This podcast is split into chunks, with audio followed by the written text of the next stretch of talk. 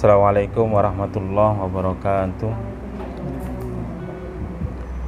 Alhamdulillahi rabbil alamin Wassalatu wassalamu ala ashrafil khalqi Muhammadin wa ala alihi wa ashabihi wa dhurriyyatihi ajma'in Rabbi shrah li sadri wa yassir li amri wa hlul 'uqdatam min lisani yafqahu qawli subhanaka la ilma lana illa ma 'allamtana innaka antal alimul hakim اللهم افتح لنا حكمتك وانشر علينا برحمتك يا ارحم الراحمين إلى مؤلف هذا الكتاب الشيخ جلال الدين بن محمد بن أحمد المحلي وجلال الدين عبد الرحمن بن أبي بكر السيوطي رحمهم الله تعالى ونفعنهم الله بعلومهما في الدارين آمين وثم إلى آبائنا وأمهاتنا وشيخنا ومشايخ مشايخنا ولجميع المسلمين والمسلمين ومن حضر في هذا المكان شاول الله له منا الفاتحة.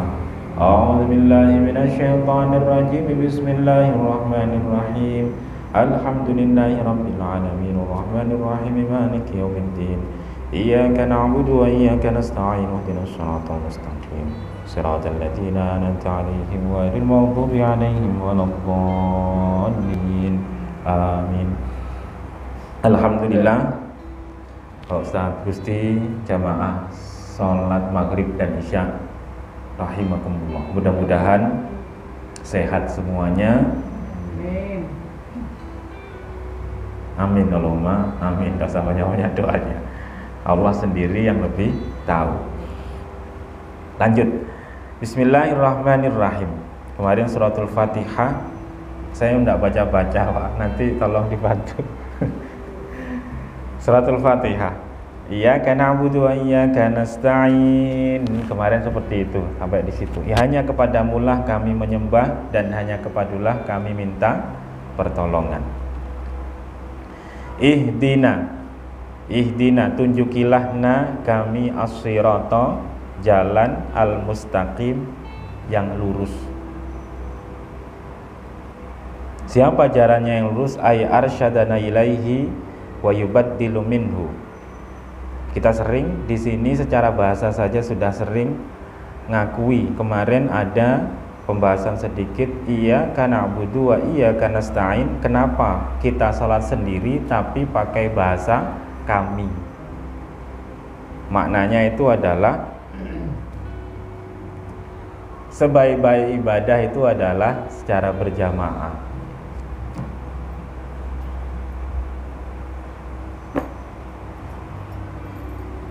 Nah, kita sini dengerin habisnya.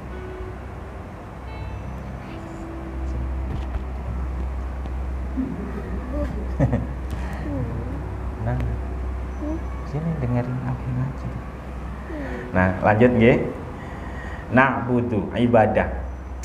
Ibadah itu asal katanya adalah ain ba dal. Ini kalau bahasa Arab. Ini kita jalan-jalan bahasa Arab. Asal kata Abdullah. Kita kenal Abdullah hamba Allah. Kalau bahasa Ibrani-nya Abdullah itu Israel atau Israel Abdullah Israel jadi Israel itu artinya Abdullah bukan orang jahat ya yang jahat adalah negara Israel yang itu tadi nyerang Palestina itu terkenalnya. Tapi Israel itu sendiri maknanya adalah Abdullah, nama lain dari Nabi Yakub. Nabi Yakub itu punya anak berapa? 412. Nah, Yakub itu dikenal dengan Israel. Keturunannya Yakub itu namanya Bani Israel atau Bani Israel. Ya Bani Israel itu yang sering kita baca ketika Al-Quran kita baca dalam Quran. Nah, Abdullah tadi hamba Allah. Mana Abdullah itu adalah sehingga diambil kata abdun itu sering diartikan ibadah. Masih nyambung Bu dengan saya? Saya ingin nalarkan saja. Ibu itu kenal ibadah. Ibadah itu ada dua, ibadah yang murni dan tidak murni. Mahdoh wa.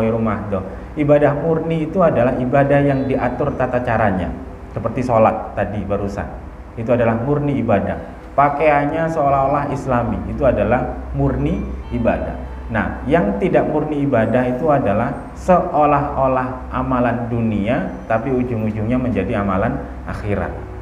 Apa saja buahnya? Jualan, masak, senyum, menghirup napas. Kalau diniati, kenapa sih ibu hirup napas?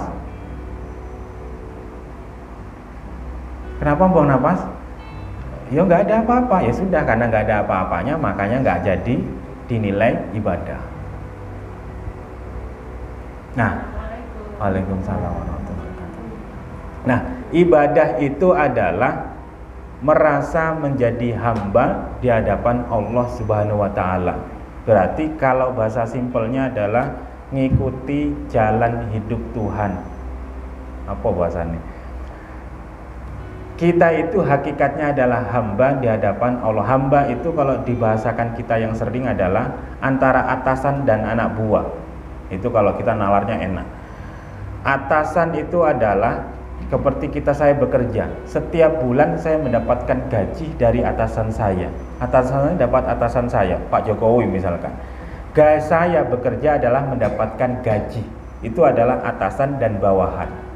Nah kalau Allah dengan kita Al Khalik dengan Abdu itu hampir mirip seperti itu tapi jauh beda. Seorang hamba itu adalah ketaatan mutlak kepada Tuhan yang tidak menuntut bayaran tapi Tuhan itu ngerti, nggak mungkin Tuhan itu nggak bayar, sebagaimana nalar pemimpin tadi.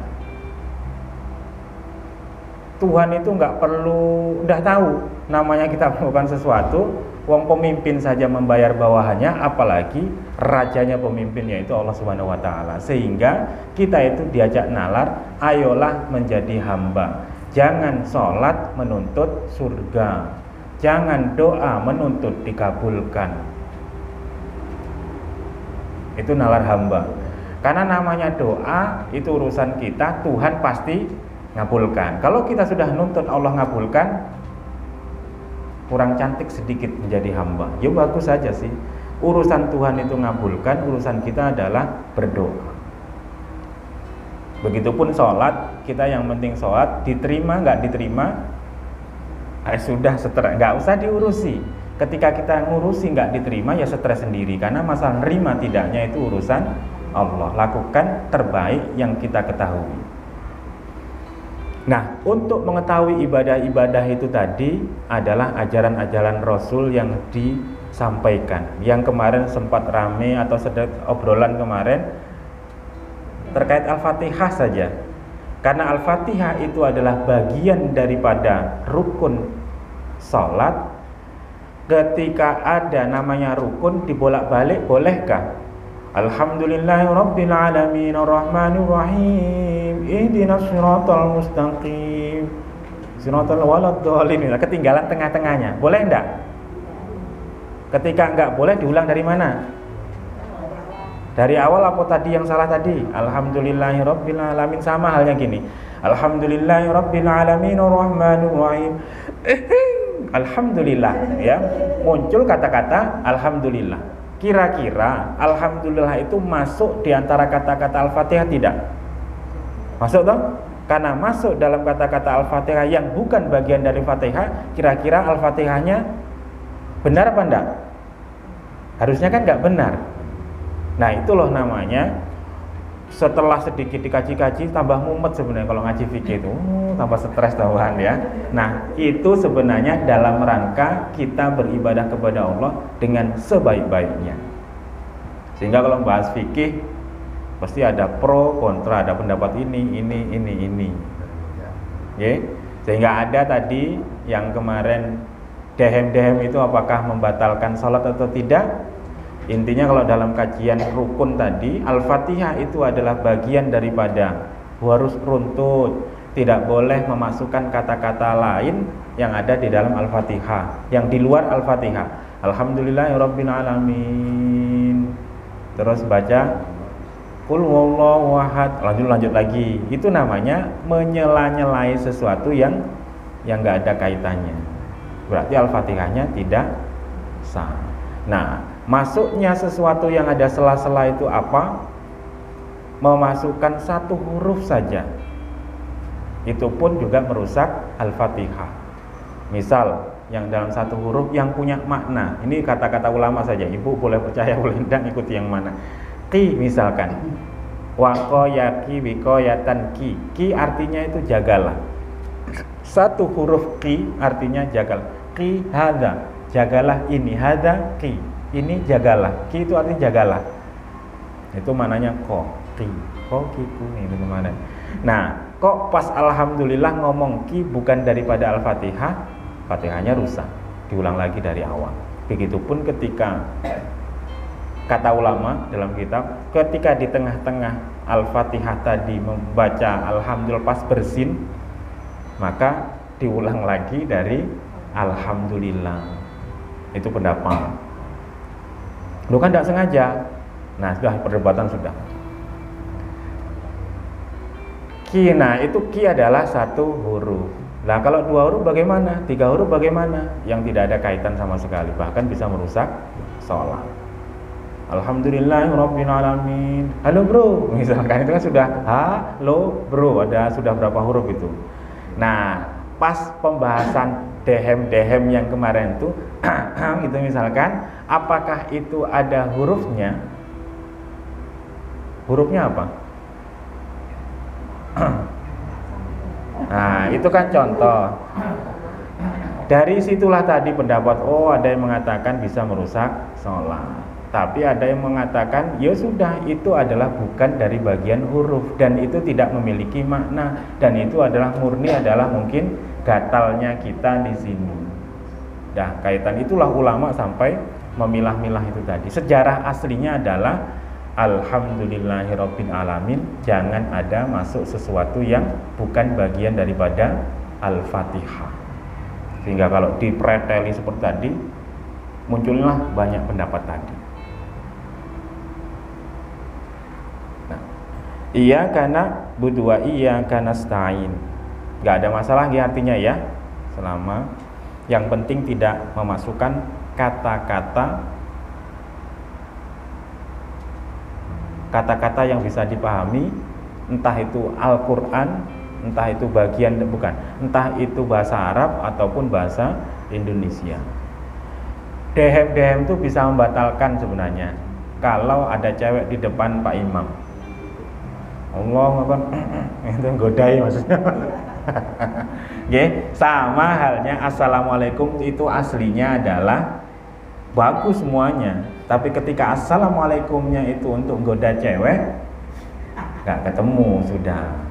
Ada ibu-ibu janda baru dari pengadilan agama, assalamualaikum ibu, itu kan udah lain tuh ibu janda, oh ada cowok bapak duda misalkan, kayaknya bisa nyambung. Nah dijawab enggak itulah tadi hukum itu aslinya bagaimana? Teks itu aslinya adalah Kenapa sih ketika orang salam harus dijawab? Karena kita mendoakan orang, mendoakan orang berarti karena kita sudah dibaiki orang, berarti kita wajib untuk menjawab. Siapa menjawab tidak menjawab salam maka berdosa toh? Hmm. Nah, ketika tujuannya itu salamnya itu kita tahu dan bakal memberi mudorot, berarti hukum menjawab pun tidak boleh. si lelaki tadi mau ngoda assalamualaikum kalau dijawab waalaikumsalam saya akan datangi karena ini tanda lampu hijau. Malah lembut-lembut lagi assalamualaikum. Waalaikumsalam. Misalkan kan gitu wow ini minta digoda nih pasti.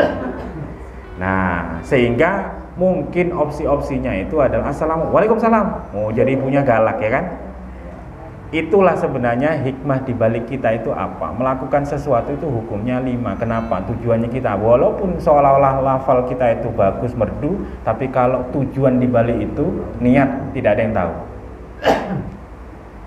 tapi kalau kita sudah memprediksi orang itu menggoda, jawabannya pun juga harus ngerti. Jangan ditambah dimerdui sehingga supaya dia tambah mendekat. Nah itu lumrah ibu sudah tahu semua itu masalah itu. Itu hukum kaidah fikih usul fikih. Sama halnya kalau didebat-debatkan bagaimana hukumnya mengucapkan selamat Natal dan seterusnya. Pak Haji Assalamualaikum yang mengucapkan non muslim dijawab Waalaikumsalam dosa katanya nggak sampai seperti itu karena kita sudah untuk super nolar otak kota otak kita itu sudah oke okay, nerima yang seperti itu. Yang kadang-kadang itu adalah gara-gara tekstual dimanai teks saja. Yang kita nanti akan sampai ke arah yang demikian tadi. Seperti halnya iya karena wa iya karena stain itu adalah tadi hikmah kalau diperdalam hanya kepada mula kami mohon kami bernyembah hanya kepadalah kami mohon pertolongan nalar tolongan itu adalah pasti ditolong kalau ibadah kita baik.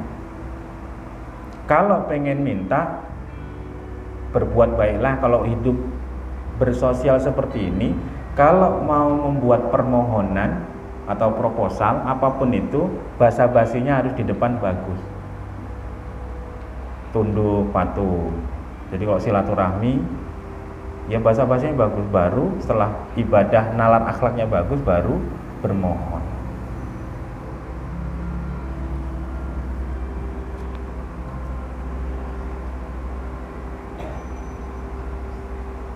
Ihdinas siratal mustaqim berilah kami petunjuk. Nah, ihdinas siratal mustaqim tunjukilah kami jalan yang lurus sama kalau mau didalami makna sering-sering dalami makna. Ibu kita yang sedang sholat tadi kita itu sedang menuju jalan lurus tidak? Sedang baik nggak hari ini kita? Sudah baik tidak? Sudah ya sudah di masjid sudah sholat maghrib ngomong ya Allah tunjukilah kami jalan yang lurus. Loh kamu itu loh sudah dilurus misalkan kalau mau didialogkan. Kita ini sudah baik tapi masih mohon supaya diberi jalan yang lurus. Takut kalau kepleset. Berarti ini loh hati-hati kita dilarang sombong ketika sudah dalam posisi baik. Suatu saat pun kita bakalan tergelincir. Atau bahasa kasarnya itu adalah bahasa nalarnya dalam kita berdialog dengan Tuhan itu adalah posisi kita itu adalah perlu mendapatkan bimbingan terus. Hari ini saya masih tersesat sehingga petunjukmu ya Allah selalu kami harapkan berilah kami petunjuk ke jalan yang lurus. Nah itu sebenarnya mendoktrinasi ketika di hadapan Tuhan kita itu sedang perlu mendapatkan selalu hidayah Allah subhanahu wa ta'ala yaitu jalan yang lurus. Jalan yang lurus itu adalah siratal ladina jalannya orang-orang yang an'amta engkau telah beri nikmat ala atas him mereka Siapa yang ibu bayangkan? Ya Allah, berilah kami petunjuk jalan yang lurus jalannya orang-orang yang seperti Engkau anugerahkan kepada mereka. Mereka siapa? Pernah bayangkan ibu salat begitu? Tidak bayangkan sih. Coba tahu bahasa Arabnya bayangkan. Mereka siapa yo? Itu kan. Akhirnya bayang-bayangkan sendiri. Para ulama. Eh, siapa nama ulama itu? Itu kan bayangkan. Para nabi itulah tadi mereka ini kembalinya ke mana. Nah, di antaranya kitab di sini dijelaskan mereka itu adalah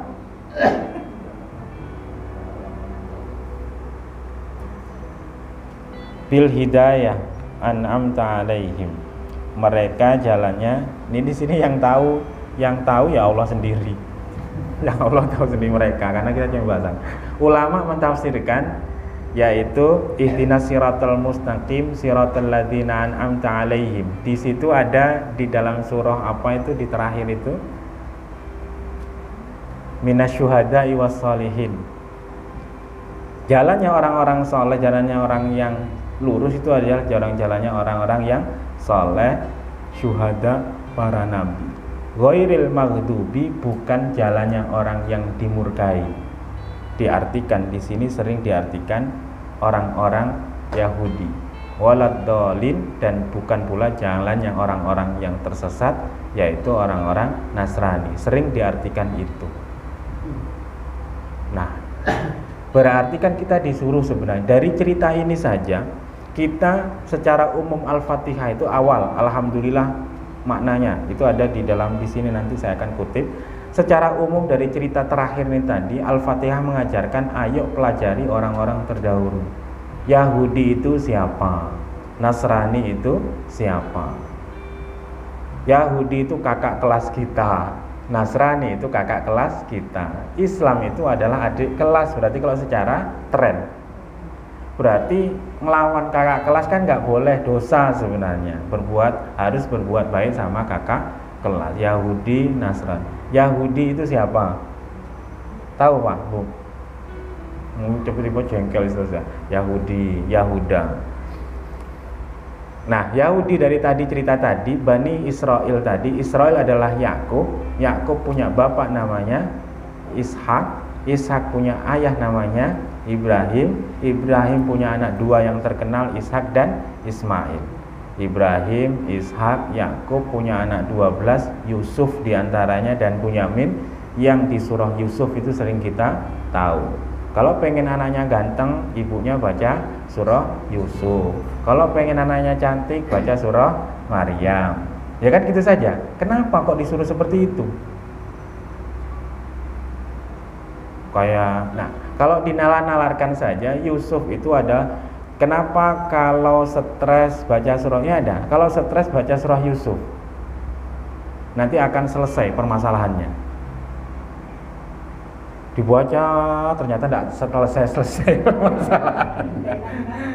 Nah kalau diceritakan aslinya Bacalah surat Yusuf Karena di dalam surah Yusuf itu ada dongeng-dongengnya.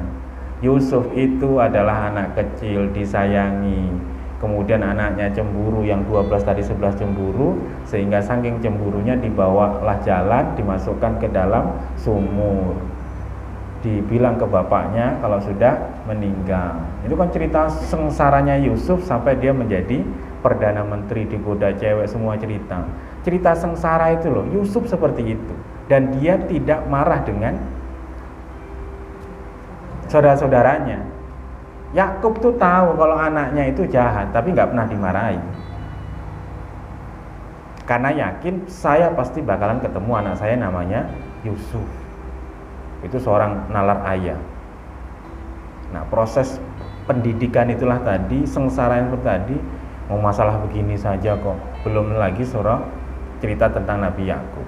Nah, Yusuf anak kita supaya ganteng itu adalah mendoktrinasi supaya memiliki akhlak Yusuf secara pikiran, secara fisik.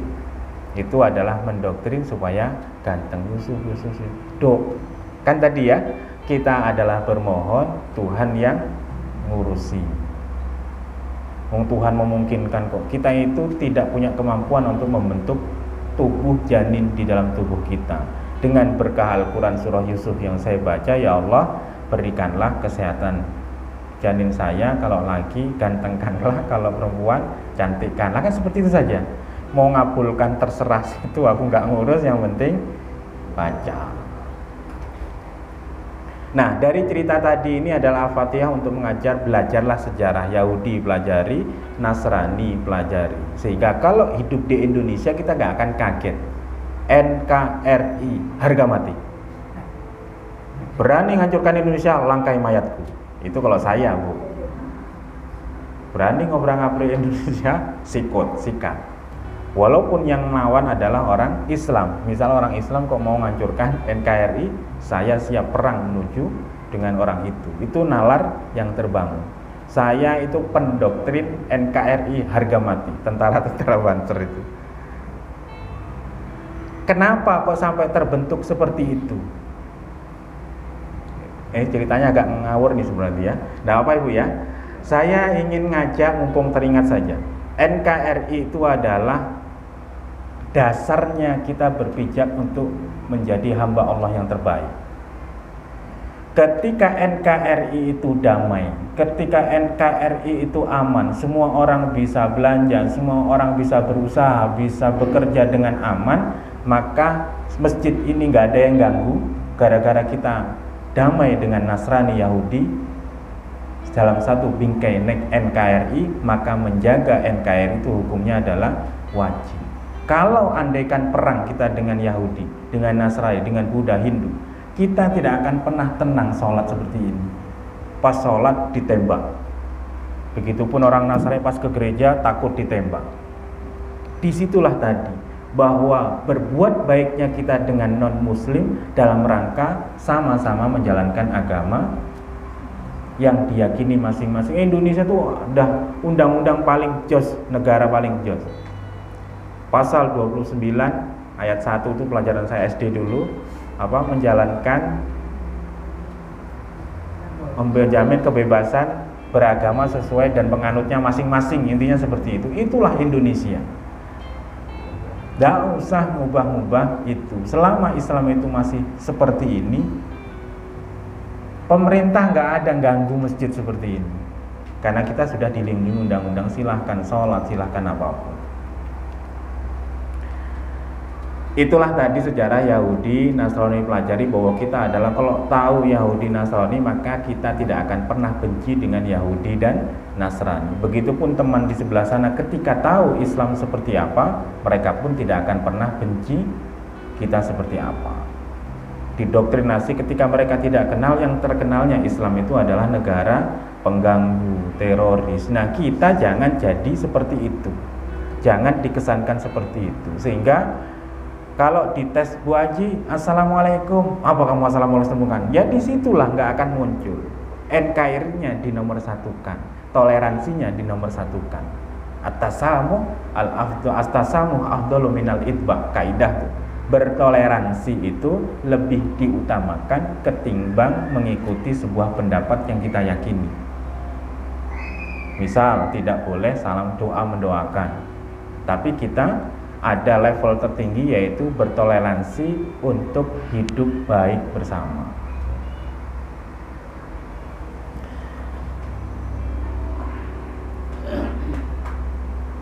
Saya lanjut. Ini sudah selesai. Walad ghairil maghdubi alaihim walad dhalin. Jawabannya amin. Sudah selesai. Ada di sini ada yang ditanyakan Bapak Ibu? Saya tadi buka kitab sebentar tentang amin.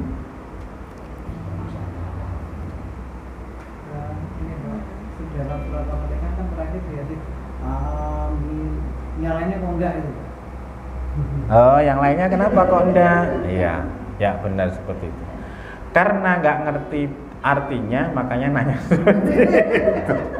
Oke, amin itu artinya ya Allah istajib doa anak Ya Allah kabulkanlah permohonan kami Tadi Ihdinas Ya Allah tunjukilah kami jalan yang lurus Jalannya orang-orang yang telah engkau beri nikmat Bukan jalannya orang yang tersesat Kabulkanlah permohonan kami Kan itu saja tolong bahasa Indonesia-nya Amin itu adalah doa. Kenapa yang lain tidak? Karena yang lain tidak doa. Oke, oke, okay, itu saja jawabannya. Nah, amin itu wajib apa enggak? Nah, itu pembahasan. Nah, zaman Rasul itu kalau ada pendoaan pinta-pinta itu sudah sejarah biasa saja. Ketika ada permohonan, amin, amin, amin itu saja tradisi. Kabulkanlah, kabulkanlah, amin, kabulkanlah. Ya gitu saja. Nah, amin itu ternyata ada di dalam tradisi zaman Rasul SAW ketika Rasul walad dolin ternyata para sahabat amin. Oh, masuk yang lain gimana mau bukan doa? ya kan itu saja ya jawabannya. Nah, hukumnya bagaimana? Apakah dia wajib atau tidak? Ini saya bacakan. Eh, pas babnya. Babnya halaman 195 kitab Ahkamul Quran karya Imam Al-Qurtubi.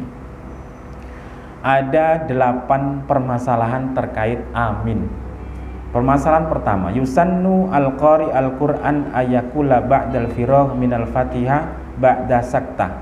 Disunnahkan bagi orang yang membaca Al-Qur'an setelah selesai membaca Al-Fatihah mengucapkan amin setelah berhenti sebentar dari lafat nunnya walad dolin Dilanjutkan, lima ada liyatamayyaza ma huwa Qur'anun mimma laisa biqur'anin agar tampak beda antara amin dan waladolin agar tidak dianggap seperti bagian daripada Quran. Jadi harus berhenti dulu baru amin. Prakteknya kayak apa, Bu? waladdallin. Tarik nafas. Amin. Jangan waladdallin. Amin. Itu teranggap amin bagian daripada Al-Fatihah. Amin itu bukan bagian daripada Al-Fatihah. Yang kedua, Sabata fil ummahati min hadis ada dari hadis Abi Hurairah anna Rasul sallallahu alaihi wasallam. Abu Hurairah itu kenal sering hadis itu diceritakan dari Abu Hurairah. Abu itu artinya bapak. Abu Bakar, Bapak Bakar ya. Abu Hurairah. Hurairah itu adalah orang Hurairah itu kucing, ya kucing kecil cerita saja. Nama sungguhnya saya lupa. Abu Hurairah itu sering bawa kucing. Sayang kucing jubahnya orang Arab itu ya mirip-mirip begini cuman dulu lebih gede saja tangannya. Bisa nyimpan uang bisa nyimpan apa. Nah pas ada kucing dimasukkan di, di jubahnya sini. Itu Abu Hurairah orangnya kecil.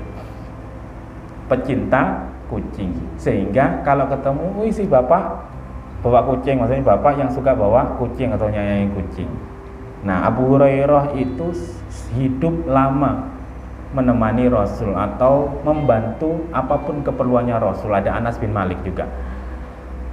Karena sering hidup dengan Rasul, sering lihat aktivitas Rasul.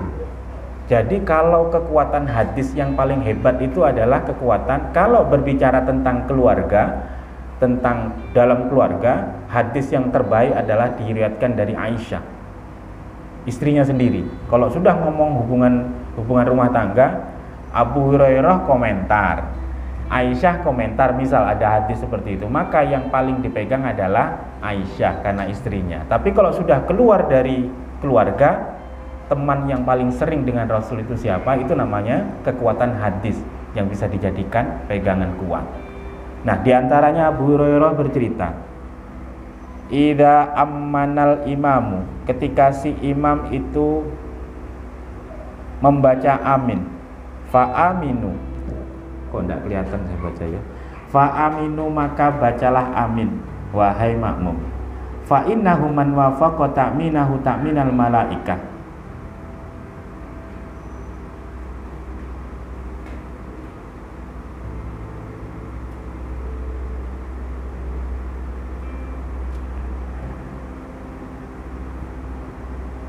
Barang siapa yang wafako Wafako Saya mau cerita saja. Wafako itu adalah Semoga semoga Bapak Ibu mendapatkan taufik Hidayah. Bahasa Indonesia ya Ada namanya Semoga mendapatkan hidayah dan taufik. Taufik itu apa? Ridho. Ridho itu apa? Taufik Taufik ini loh bahasa ya dah. Singkatnya gini hidayah itu adalah petunjuk ya. Taufik itu adalah pertolongan. Sama-sama hidayah kalau sudah wafako taufik itu kalau hidayah itu adalah petunjuk bu pak mana jalan rumahnya Pak Ahmadi rumahnya jalan Pak Ahmadi itu sini keluar masjid kanan terus kiri. Nah itu sudah sampai. Nggak diantar tapi kalau taufik, ya mudah-mudahan Tuhan memberi taufik kepada kita, diantar, diarahkan. Sini rumahnya Pak Madi, antar sini, sini, sini, sini. Itu levelnya taufik. Nemani di dalam proses menuju hidayah. Man wafako sehingga mana di sini ada siapa yang bersesuaian bertepatan ketika membaca aminnya kita bersesuaian dengan aminnya malaikat hufirolahu ma taqaddama min dambi. Dosa-dosa kita akan diampuni gara-gara membaca amin. Kalau amin kita bersesuaian dengan aminnya malaikat. Tadi ada dikatakan kapan amin itu diucapkan? Diam sejenak setelah nun terakhir walad doli.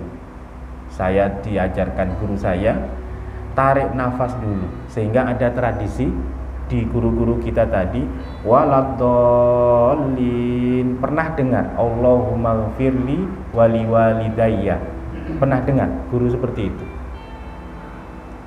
Kalau saya sering dengar ada ustadz waladolin sekiranya ada kata-kata itu atau kalau singkatnya adalah waladolin tarik nafas amin.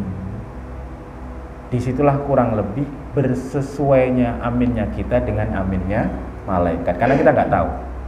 Andaikan tahu eh malaikat kasih kabar dong kapan startnya gitu kan. Itulah kita itu ingin seperti itu ketika membaca amin. Jadi kalau sudah ngerti maknanya ya Allah kabulkan kami kok pas bertepatan dengan aminnya malaikat mendapatkan bonus diampunkan. Sehingga amin jangan tanpa akhlak. Ada anak-anak toh walaupun amin. Itu kan ada. Itu maksudnya nyuruh imamnya cepat lambatnya kalau terawih itu kan? Waladhalin amin. Panjangnya A-nya panjang Mi-nya juga panjang. Amin. Amin. Artinya beda. Yang itu secara bahasa ya Tapi kalau nggak ngerti artinya yo aman semua Pak. Intinya adalah ya Allah kabulkanlah doa kami Kalau saya artinya beda. Amin. Amana yu'minu amin. Amin itu amankanlah. Amin hadal bait. Amankanlah rumah ini. Ana aminus sunduk fi hadal balad. Saya adalah bendahara di daerah sini. Amin itu adalah orang yang dipercaya untuk memberikan amanah. Banyak mananya aman amin amun imin dan imun ya. Gara-gara harokat. Nah beruntunglah yang nggak ngerti artinya. Amin. Disalah. Amin. Disalahkan Tuhan pun nggak ngerti nggak ada masalah. Lo kok amin? Aku nggak tahu kok. Nah rufial kolam ala salasin. Dalil sudah. Diangkatnya pena untuk dicatat bagi orang tiga orang tidur orang lupa orang gila. Nah kalau pengen masuk surga jadilah orang gila. Satu terus jadi seumur hidup tidurlah. Kemudian lupalah seumur hidup. Itu masuk surga nggak pernah dibebani beban. Masa lupa terus umur hidup? Nah orang lupa itu bonus. Jangan stres bu ya. Sudah tahajud pengen tahajud lupa. Akhirnya stres. Kurang ajar aku tadi malah tidak tahajud gitu kan. Itu bonus bonusnya orang lupa karena aktivitasnya kita tahajud berarti lupanya kita atau tertidurnya kita itu dinilai tahajud. Pendapat Pak Quraisy terkait apa hukumnya? Orang pikun. Sering orang tua pikun ya? Orang tua saya pikun bu pak. Maksudnya ya biasa ngomong seperti ini majelis taliman di usia 63 4 tahun yang lalu bacaan sholat lupa begitu diomongkan oleh mama ya ingat lagi sholat terserah udah suka dua rokat tidak ngerti dia Pokoknya pengen sholat ya sholat, tidak pengen sholat ya enggak. Terserah. Itu adalah orang pikun. Bagaimana hukumnya orang tua tadi yang sholatnya tidak pada tempatnya, tidak pada waktunya? Gak apa-apa? Ya dosa aslinya kalau terbebani syariat tadi. Karena tidak tahu, ya selesai. Karena tidak tahu kan sebenarnya berkewajiban. Siapa yang menunaikan kewajibannya? Apakah anaknya? Nah, dari situ perdebatan banyak di otak saya. Karena secara hadis awal Singkatnya gini, semua ketika orang berwaris, orang tua kita meninggal, maka semua hutangnya, kekayaannya akan diwarisi oleh ahli waris. Sehingga sering kalau meninggal, wahai bapak ibu sekalian, jika ada utang-utang salahnya, maka semua omongkan ke saya, gitu kan? Itu maknanya adalah kita mewarisi kekayaan orang tua kita plus hutang-hutangnya orang tua. Nah, hutangnya orang tua kepada Tuhan itu otomatis kita jadi ahli waris, nalarnya. Sudah kaya orang tua kita, kok tidak berangkat haji, punya uang, maka kita berkewajiban untuk menghajikan, membatalkan. Sudah tahu orang tua kita berhutang kepada Tuhan, nggak sholat misalkan, ayo, kan seperti itu nalarnya. Itulah ulama. Sudah tahu dulu nggak bayar zakat karena puasa itu karena tua sakit sehingga dia tidak puasa wajib membayar mut tadi kemudian tiba-tiba meninggal siapa yang wajib membayar ya kan kita semua Nah itulah tadi dari situ semua tadi Kalau orang pikun itu tadi Dia adalah bonus dari amalan sebelumnya. Ketika beliau itu amalannya baik Maka pikun neki dia itu Andaikan sehat Dia pasti akan berbuat baik seperti tadi. Nah ngerinya pikunnya sebelumnya nggak pernah sholat, nggak pernah ngaji, pikunnya nganggur tapi dinilai sama seperti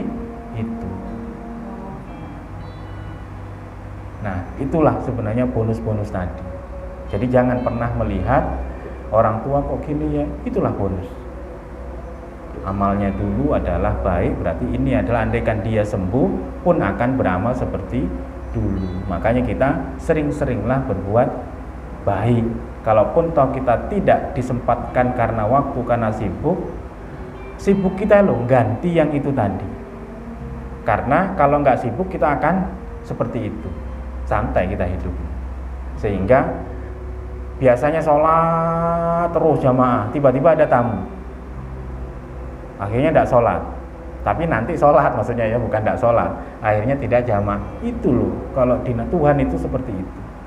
Kita itu tidak jamaah demi sesuatu yang lain karena kita biasanya berjamaah akan mendapatkan pahala yang sedemikian tadi walad dolin. Amin. Itu saja nggih. Singkatnya nanti ada ada empat lagi terkait dengan amin amin. Kemudian tambahan lagi besok kalau ingat mumpung di sini ingat kalau ingat kalau lupa diingatkan kita akan bahas tentang kapan karena al-fatihah itu bagian daripada rukun. Bagaimana kalau kita tidak sempat membaca Al-Fatihah? Tapi karena kita lupa kadang-kadang Allahu Akbar ngelamun. Ngelamun apakah tadi? Loh, belum Fatihah ya. Ketika belum Fatihah baru Al-Bismillah ternyata imam sudah ruko apa yang kita lakukan? Nah, ini nanti praktek-praktek yang sering kita lakukan itu apa pun itu terkait Fatihah kondisi apa pun nanti kita akan bahas itu. Oke? Okay? karena sudah walad dolin kita akan cari perdalam sedikit-sedikit syukran walau alam wassalamualaikum warahmatullahi wabarakatuh.